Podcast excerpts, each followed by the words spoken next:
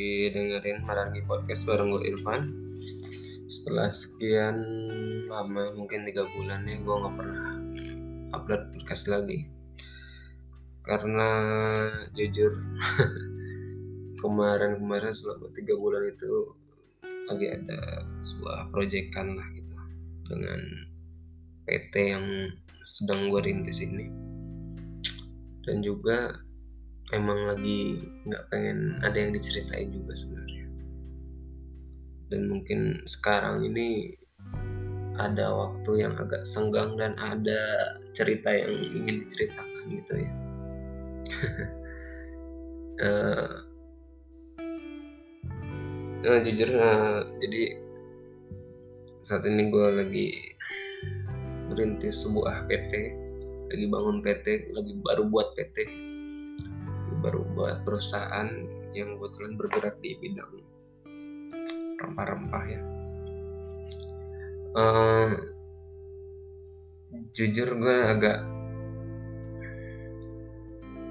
sebenarnya gue bingung saking frustasinya gue nggak dapet dapet kerjaan lagi. Ya saking frustasinya gue gue jadi ya beberapa bulan gue di rumah kan. Terakhir itu uh, bulan Maret sekitar Maret lah. Sekitar Maret di tahun kemarin 2020 itu terakhir gue kerja. Awal-awal ada covid tahun kemarin. Jadi uh, total hampir kisaran 7 bulan lah. Hampir 7 bulan gue di rumah aja. Gue coba coba-coba usaha jualan bareng temen cuma ya gitu. Uh, akhirnya ada teman gue juga yang kebetulan dia lagi lagi nggak ada kerjaan juga gara-gara covid di rumah kan. Akhirnya dia ngajak kerja sama untuk membangun sebuah perusahaan. Uh, sebenarnya awalnya nggak nyangka sih bisa sampai bangun perusahaan sih awalnya sih cuma cari-cari objekan dari kantor-kantor misalkan kebutuhan-kebutuhan kantor kayak tempat sampah segala macam kayak gitulah. Apa alat-alat untuk di kantor lah. Jadi kita sebagai CV WCV CV untuk pengadaan barang. Awalnya sih itu aja. Tapi ke sini ke sini channel makin banyak kenalan makin banyak akhirnya malah sekalian nyemplung terjun sekalian ke bidang pengadaan barang tapi saat ini lebih spesifik di pengadaan barang hasil bumi hasil rempah-rempahnya gitu. Dan PT gue ini uh, mainannya di daerah Sulawesi biasanya ngambil barang-barangnya gitu. Uh, ternyata uh, for the first time gitu ya gue pertama kalinya keluar dari Pulau Jawa dan merasakan kengerian naik pesawat gitu. Uh, akhirnya gue berangkat ke Sulawesi di Kendari tepatnya. Jadi di Sulawesi itu hasil rempah-rempahnya benar-benar banyak banget melimpah banget sih. Uh, yang gue tangkap ya ini yang gue tangkap ya. Bisa salah bisa betul ya. Ini asumsi gue asumsi gue itu uh, hasil-hasil rempah-rempah di sana itu memang melimpah memang banyak. Tetapi untuk penjualannya untuk pembuangannya gue rasa masih kurang gitu.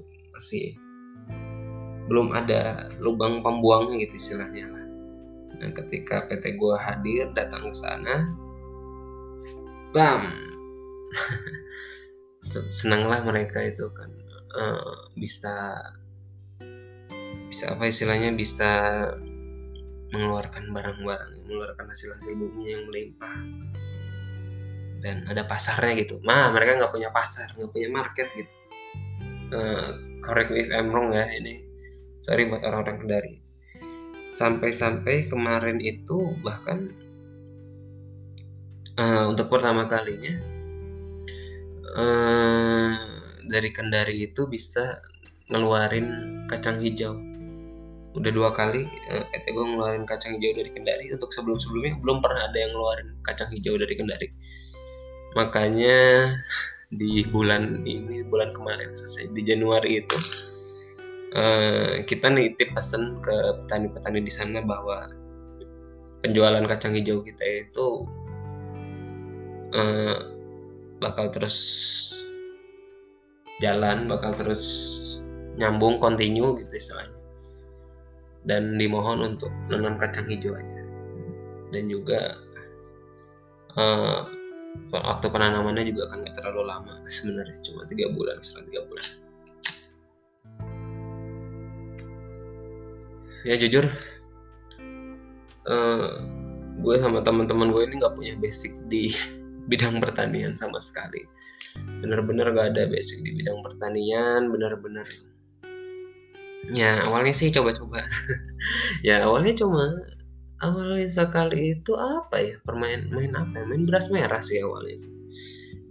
Beras merah kita kerja sama sama salah satu perusahaan uh, pembuat bubur makanan bubur bayi gitu kita dapat PO-nya pengadaan beras merah. Itu pengalaman yang gokil sih kita nyari-nyari. Sampai di Banten bawah itu hampir Tanjung Lesung lah. Wah jauh banget sih itu sih pertama kali gue sampai ke sana.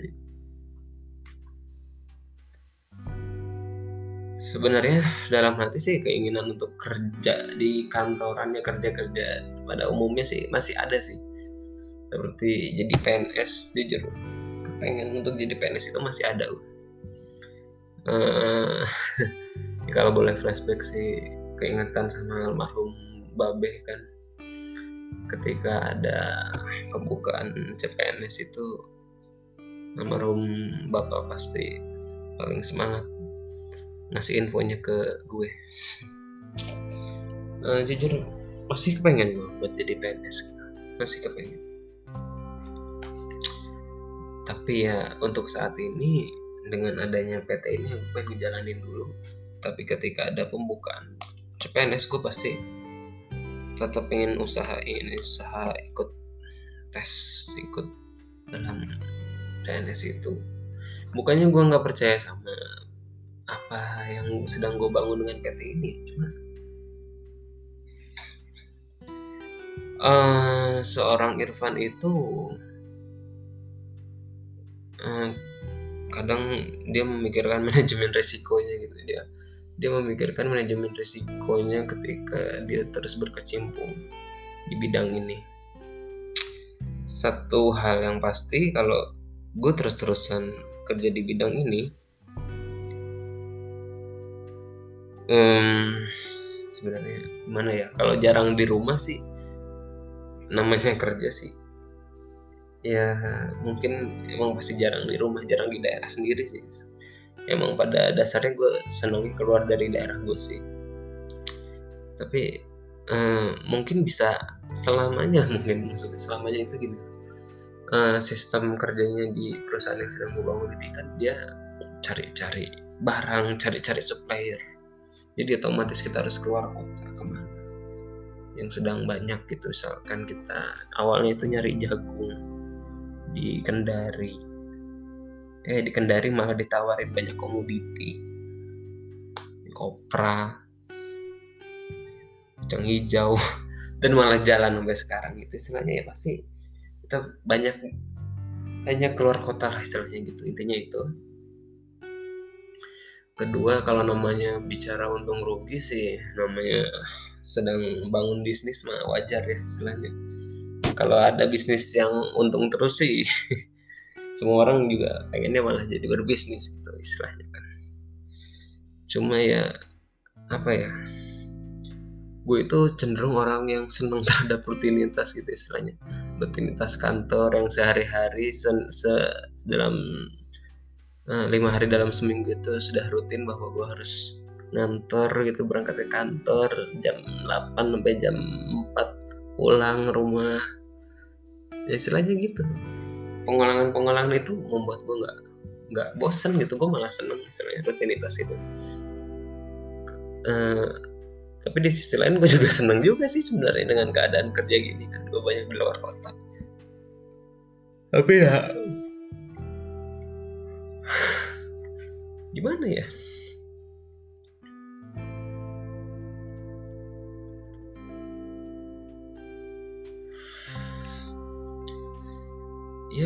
pokoknya yang terbaik aja sih sebenarnya buat gue gue juga udah pengen nikah.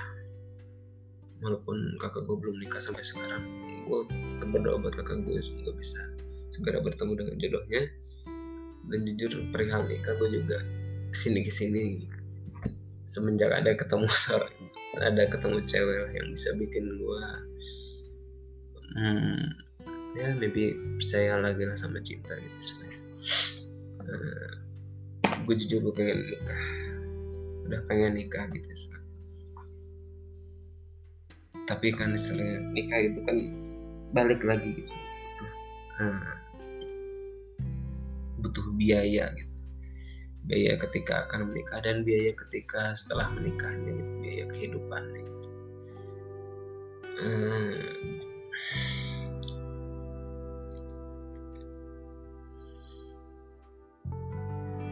ya memang ya memang gue tahu, tahu. Uh, nikah itu nggak mudah. Bukan perihal materi semata gitu sih. Nggak cuma melulu soal materi.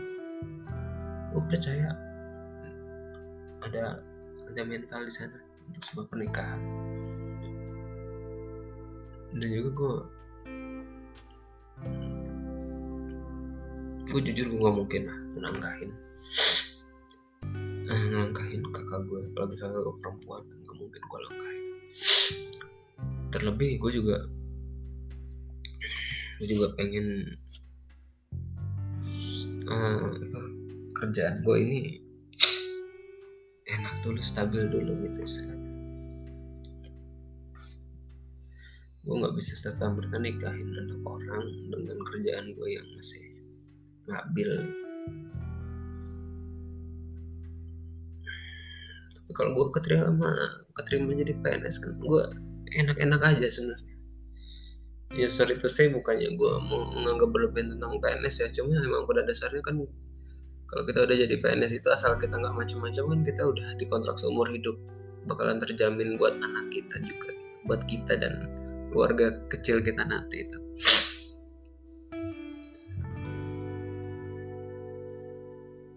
ya jujur gue termasuk orang yang berharap masih berharap bisa menjadi PNS kan. Najwa siapa pernah bilang jangan berharap jadi PNS tapi jujur gue gak munafik gue masih tetap berharap bisa jadi PNS dan gue di senggang waktu ketika sedang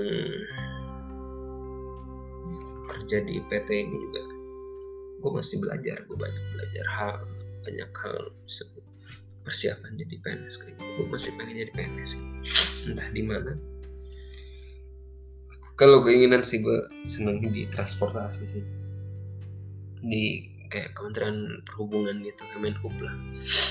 Kerja di PT KAI kan. BUMN jadi PNS ah ya BUMN ya gitulah pokoknya intinya. Gue seneng kereta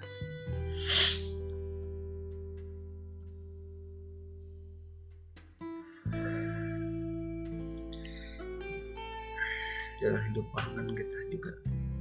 Saya belum tahu ke depannya bakal kayak gimana. Intinya kita harus berusaha dan berdoa. Minta yang terbaik lah buat kita. Semoga usaha kita yang berusahakan baik semoga hasilnya pun bakalan baik.